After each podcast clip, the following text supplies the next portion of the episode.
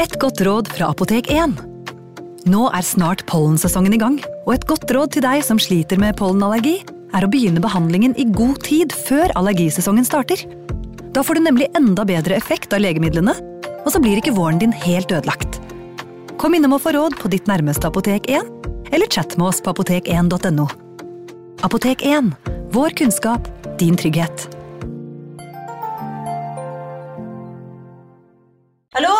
Jeg kommer fra Oslo politikammer.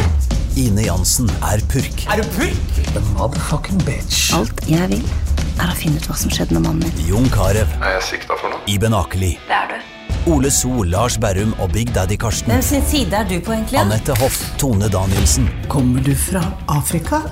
Jørnis Josef, Nesten kløfta. Trond Espen Seim, Det er synd å si det, men det var feil mann som døde. Purk. Premiere tirsdag på TV2 Play. Ungsamtalen fra DNB er økonomisk veiledning tilpasset deg som er ung. Bokk en ungsamtale på dnb.no. slash ung. Det er kjempebra hvis du skal inn på boligmarkedet, hvis det er drømmen din, liksom. Det er det du skulle sagt. Og så kunne du ropt litt mer, da, sånn som jeg gjorde. Bam! Advarsel. Denne podkasten inneholder skildringer av ekte drap og kriminalsaker som kan være støtende for enkelte.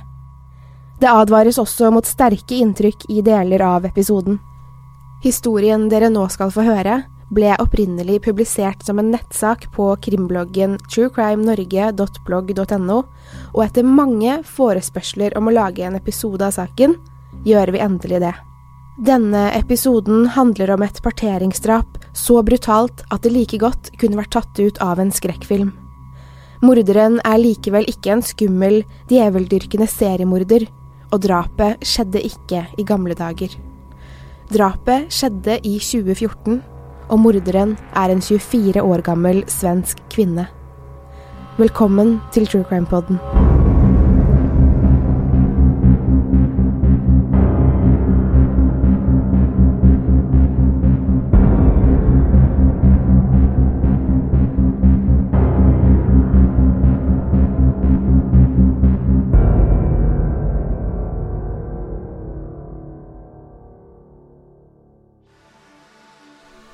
Klokken er rett før seks om morgenen den 18. juni 2014.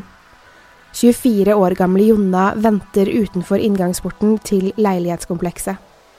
Nøyaktig klokken seks vil dørene åpne. Solen har allerede stått opp, og Jonna kjenner at sommeren er her. Hun trekker pusten, som for å roe ned nervene. Hun kikker på klokken. Bare noen minutter igjen nå. Jonna vet ikke hvor lenge hun har stått slik, eller om noen har sett henne. Hun kjenner pulsen stiger. Snart skal hun gjøre det. Inne i leilighetskomplekset har 22 år gamle Lovisa nettopp våknet til en ny dag. Hun gjør som hun pleier, setter på kaffetrakteren og drikker et glass vann ved kjøkkenbenken før hun går inn i dusjen. Kaffen er klar når hun kommer ut på kjøkkenet igjen. Lovisa heller seg en kopp og ser kanskje ut av vinduet. Hun begynner å smøre seg noen skiver til frokost. Det Lovisa ikke vet, er at dette er hennes siste morgen. Om noen timer lever hun ikke lenger. Jonna ser på klokken igjen. Nå, tenker hun, og bøyer seg ned mot ryggsekken som står ved føttene hennes. Hammeren ligger øverst, og hun løfter den ut av sekken. Et klikk høres, og låsene til ytterdørene er med ett åpne. Jonna kan gå inn uten problemer. Hun prøver å oppføre seg så normalt som mulig, der hun stille går gjennom gangen mot trappene. Endelig skal det skje. Jonna holder hardt om hammeren mens hun går opp de få trappene mot Lovisa sin leilighet. Pulsen er høy, og hun er redd for at noen skal se henne. I sekken har Jonna også med seg sprøyter som inneholder sovemiddel og sprit. Hun ringer på Lovisas dør og hører skritt innenfra. Jonna trekker pusten dypt en siste gang før hun gjemmer seg bak noen høye planter med hammeren i hånden. Lovisa håper kanskje det er kjæresten som ringer på så tidlig og åpner døren. Lovisa ser ingen utenfor. Gangen er mørk, og det er ikke lett å se hvem som ringte på. Hun tar et steg ut for å se om det kanskje står noen lenger ut i gangen. Jonna skimter Lovisa noen skritt utenfor dørterskelen og reiser seg lydløst. Jonna hever hammeren og slår Lovisa hardt i bakhodet, flere ganger, så Lovisa til slutt besvimer. Hun forsikrer seg om at ingen hører dem. Lovisa ga fra seg et stille skrik, kanskje av smerte, ved det første slaget. Alt er stille, så Jonna drar henne inn i leiligheten og lukker døren. Så begynner det. Denne historien starter ikke her, den starter flere måneder før. Selv om Jonna og Lovisa ikke kjenner hverandre, er de likevel tilknyttet hverandre gjennom en tredje person. La oss kalle han Erik. Erik og Jonna møttes og begynte å date hverandre.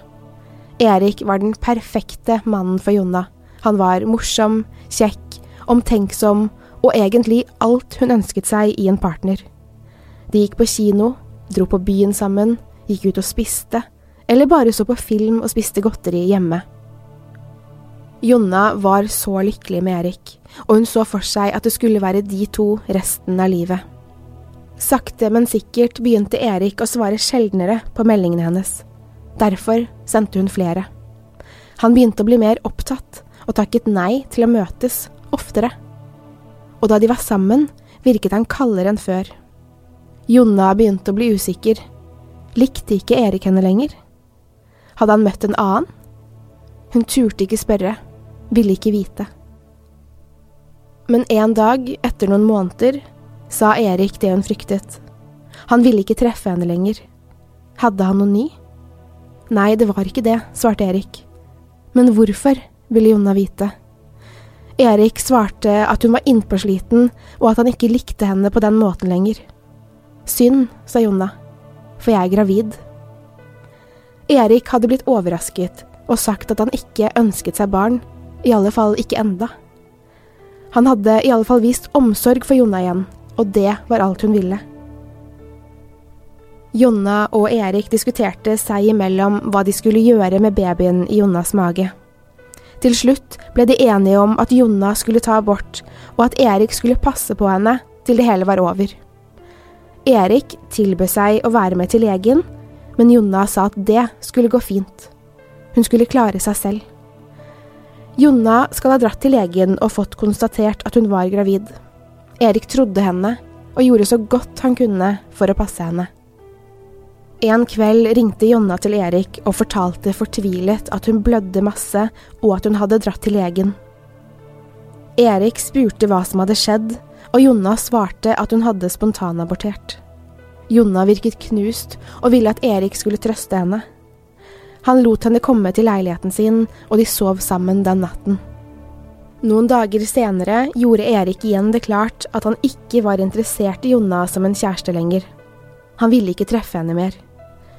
Jonna dro til slutt hjem, etter å ha vært i leiligheten hans i flere dager. Et par uker går, og Jonna får ikke tak i Erik. Det vil si, han svarer ikke når hun ringer eller sender meldinger. Jonna blir sint og skriver tekstmeldinger til han hele tiden.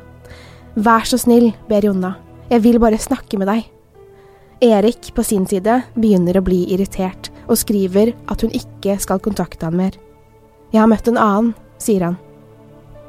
Den siste meldingen knuste hjertet hennes. Hennes Erik var sammen med en annen. Istedenfor å trekke seg tilbake og innse at forholdet er over, blir Jonna forbannet. Hun skriver sinte tekstmeldinger til han og krever at hun i alle fall får komme og hente tingene sine. Erik vet ikke hvilke ting Jonna mener, men skriver at hun får komme en dag og hente det som er hennes. Jonna prøver så godt hun kan å få Erik tilbake. Hun oppsøker han på jobben, i butikken og utenfor leiligheten hans. Noen ganger møter hun dem begge, både Erik og Lovisa, som synes hun er veldig plagsom. Jonna nekter å innse at det er slutt mellom henne og Erik. En dag ser hun at Lovisa flytter inn i Eriks leilighet. Det er da hun bestemmer seg. Nok er nok. Jonna tekster både Erik og Lovisa og sier at hun kommer og henter tingene sine. Ingen av dem svarer, så Jonna ser seg nødt til å ta saken i egne hender. Hun begynner å gjøre research. Hun ser på kart over området der Erik og Lovisa bor, og gjør Google-søk som mord og gift, men også kan man bli dømt for mord uten lik, og bære lik, er det tungt? Hun skaffer en stor hammer og kjøper kanyler og sprøytespisser på apoteket. Jonna har en grusom plan. Jonna drar den bevisstløse Lovisa inn i leiligheten igjen. Lovisa lager blodspor gjennom gangen, langs stuegulvet og inn på soverommet. Jonna sleper henne hele veien. Lovisa er fortsatt bevisstløs, men Jonna vet hun vil våkne snart. Hun løfter Lovisa opp i sengen, og hun våkner. Lovisa forstår plutselig hva som er i ferd med å skje. Livredd begynner Lovisa å skrike etter hjelp. Jonna legger et håndkle over Lovisas ansikt for å dempe skrikene, og håper at ingen kan høre dem. Jonna drar opp en av sprøytene fra sekken som hun på forhånd har gjort klare, og injiserer en blanding av vodka og sovemiddel i Lovisas hals. Hun stritter mot hele tiden, og Jonna blir sint og injiserer henne igjen. Lovisa sovner ikke, men fortsetter å kjempe for livet. Jonna drar derfor frem en kniv og begynner å hugge Lovisa i ansiktet og halsen. Kniven går inn og ut av halsen og brystet hennes. Blodet pipler ut fra flere åpne flenger. Jonna stikker Lovisa flere ganger før hun går ut i sekken sin på stuen og henter en stor jaktkniv. Med den fortsetter Jonna å stikke Lovisas kropp, helt til hun ikke skriker eller kjemper mer. Forsøkene på å stoppe Jonna blir svakere og svakere for hver gang. Blodet renner ut av Lovisa, øynene hennes blir tomme og glassaktige. Jonna fortsetter helt til Lovisa er død av de utallige knivstikkene Jonna har påført henne.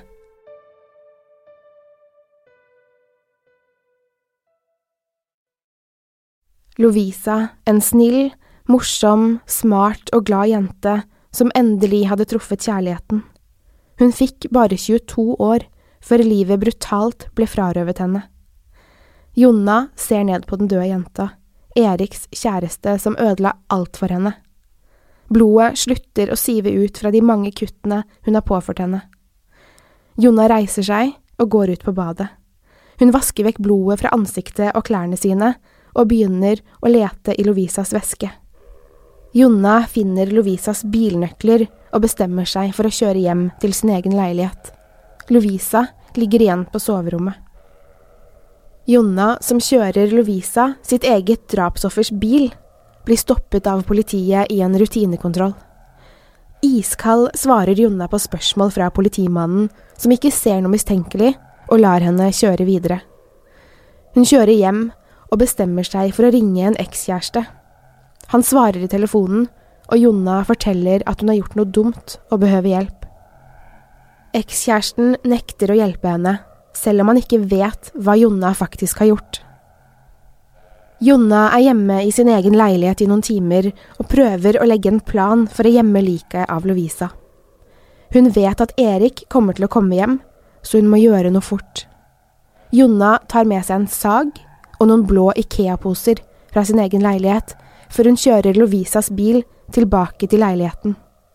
Den stramme, metalliske lukten av blod slår mot henne idet hun låser seg inn i leiligheten. Lovisa har ikke rørt seg. Hun ligger fortsatt på sengen. Jonna tar tak i Lovisas ben og trekker henne ned fra sengen. Sakte sleper hun liket gjennom leiligheten og mot badet, hvor hun til slutt klarer å lempe Lovisa opp i badekaret. Så tar hun frem sagen og går til verks. I badekaret begynner Jonna å sage i den døde kroppen, del for del. Hun sager av hodet, deler av armene, bena og forsøker å dele overkroppen. Hun sager og sager gjennom muskler, sener og ben, helt til kroppen er i mange nok deler til å kunne flyttes. Jonna finner frem de blå Ikea-posene hun tok med hjemmefra, og stapper Lovisas kroppsdeler i posene. Kroppsdel etter kroppsdel pakkes inn og teipes godt igjen, slik at det ikke skal lukte eller lekke noen kroppsvæsker fra delene. Hun bærer posene ut i stuen, og setter i gang med å vaske badet, som er dekket av blod. Jonna bruker det avtagbare dusjhodet til å spyle vekk blod fra badekaret, veggene og gulvet. Heldigvis var det sluk i baderomsgulvet også, så det blodige vannet renner ned i avløpet. Jonna fjerner det blodige sengetøyet og de blå Ikea-posene med Lovisas oppdelte kropp i. Hun bærer likdelene ned til sin egen bil. Jonna er nøye med at ingen skal se henne, og prøver å oppføre seg så normalt som mulig. Jonna passer på at leiligheten ser helt vanlig ut, men synes det mangler noe. Jonna finner frem et ark og en penn og begynner å skrive. Hun skriver en lapp til Erik, hvor hun forteller at hun har hentet tingene sine, og at hun ikke er sint på han, og at hun ønsker han lykke til med den nye kjæresten. Deretter låser hun etter seg og går til parkeringsplassen. Jonna kjører så Lovisas bil til en parkeringsplass ved en Coop-butikk like i nærheten og låser den. Hun går den lille biten tilbake til leiligheten og henter sin egen bil med Lovisas oppstykkede kropp liggende i bagasjerommet. Klokken er straks etter 14 på ettermiddagen, og Jonna kjører til jobben. Litt over halv tre kommer hun inn på kontoret. Ingen legger merke til at noe er annerledes med Jonna. Hun oppfører seg helt vanlig, smiler og tøyser som om ingenting har skjedd. Jonna jobber nesten en hel normal arbeidsdag, men spør sjefen sin om det er greit at hun drar fra jobben litt tidligere enn vanlig. Sjefen gir henne lov til det, og Jonna setter seg i bilen, med bagasjerommet fullt av Lovisas kroppsdeler. Hun vil egentlig hjem, men må kvitte seg med kroppsdelene. Hun kjører derfor til et skogholt i Kumla utenfor Ørebro, hvor hun dumper Lovisas kroppsdeler i et skogsområde før hun kjører hjem igjen. Jonna kommer hjem og føler seg dårlig. Hun vet at det hun har gjort er forferdelig, men hun var så sint. Kanskje hun kan komme unna med det, om hun bare spiller kortene sine riktig. Jonna tenker og tenker, og legger til slutt en plan. Etter noen timer ringer Jonna selv til politiet og forteller hva som har skjedd. Vel, hun er ganske vag i starten. Jonna sier til operasjonssentralen at hun har vært hos eksen sin for å hente tingene, og at en situasjon mellom henne selv og Lovisa oppsto. Politibetjenten hun snakker med, stiller flere spørsmål og forstår ikke først hvorfor Jonna ringer, siden det ikke høres ut som en nødsituasjon. Jonna forteller litt rundt omstendighetene, og får det til å virke som om hun selv hadde ærlige hensikter med å oppsøke Lovisa i hennes eget hjem. Gjentatte ganger nevner hun tingene sine, som om de er vesentlige i sammenhengen. Betjenten spør til slutt hva som egentlig har skjedd, og Jonna forteller at hun så blod i leiligheten, og tror at Lovisa er skadet. Betjenten spør om de trenger ambulanse, og Jonna sier nei. Så forteller hun at Lovisa er død, og at det var hun som gjorde det, i selvforsvar. Politiet rykker ut i Jonas leilighet, hvor de spør henne mer inngående om situasjonen. Betjentene på plass i Lovisas leilighet finner ikke Lovisa der, og til slutt går Jonna med på å fortelle politiet hvor Lovisa er. Hun tar dem med til skogholtet og peker i retningen der kroppsdelene ligger.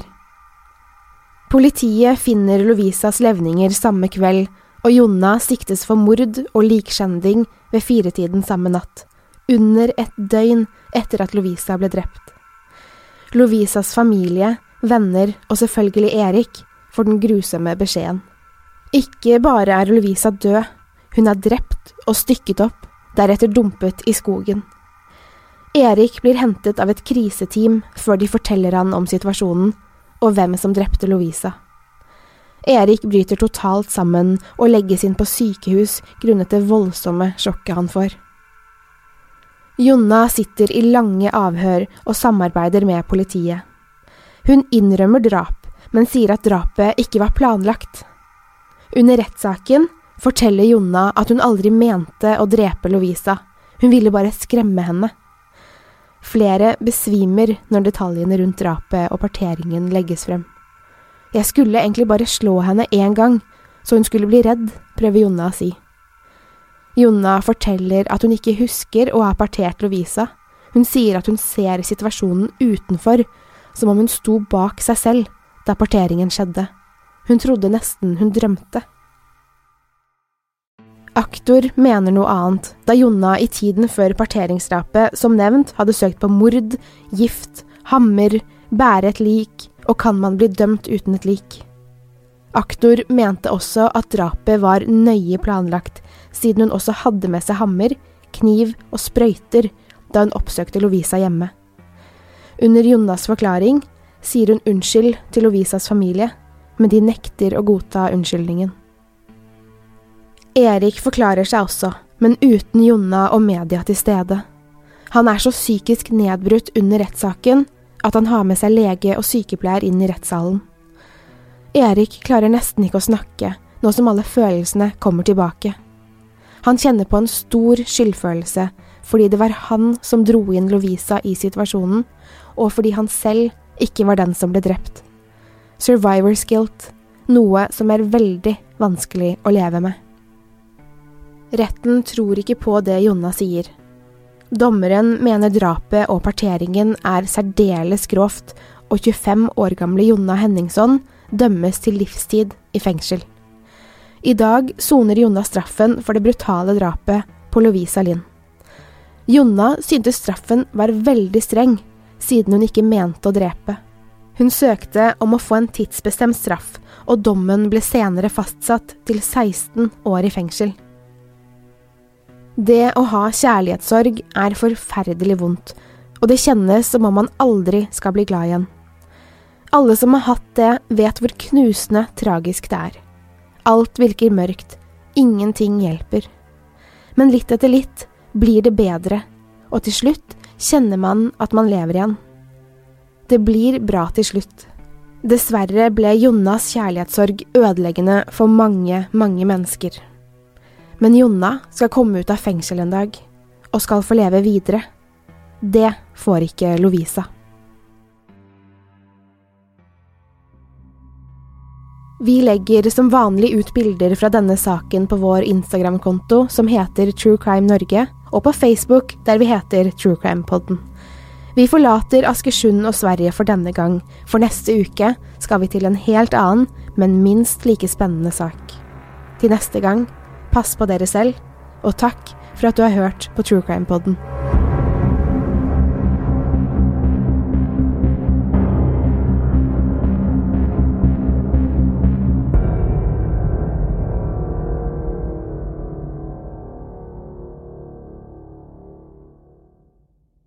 Har du et enkeltpersonforetak eller en liten bedrift? Da er du sikkert lei av å høre meg snakke om hvor enkelt det er med kvitteringer og bilag i fiken, så vi eh, gir oss her, vi.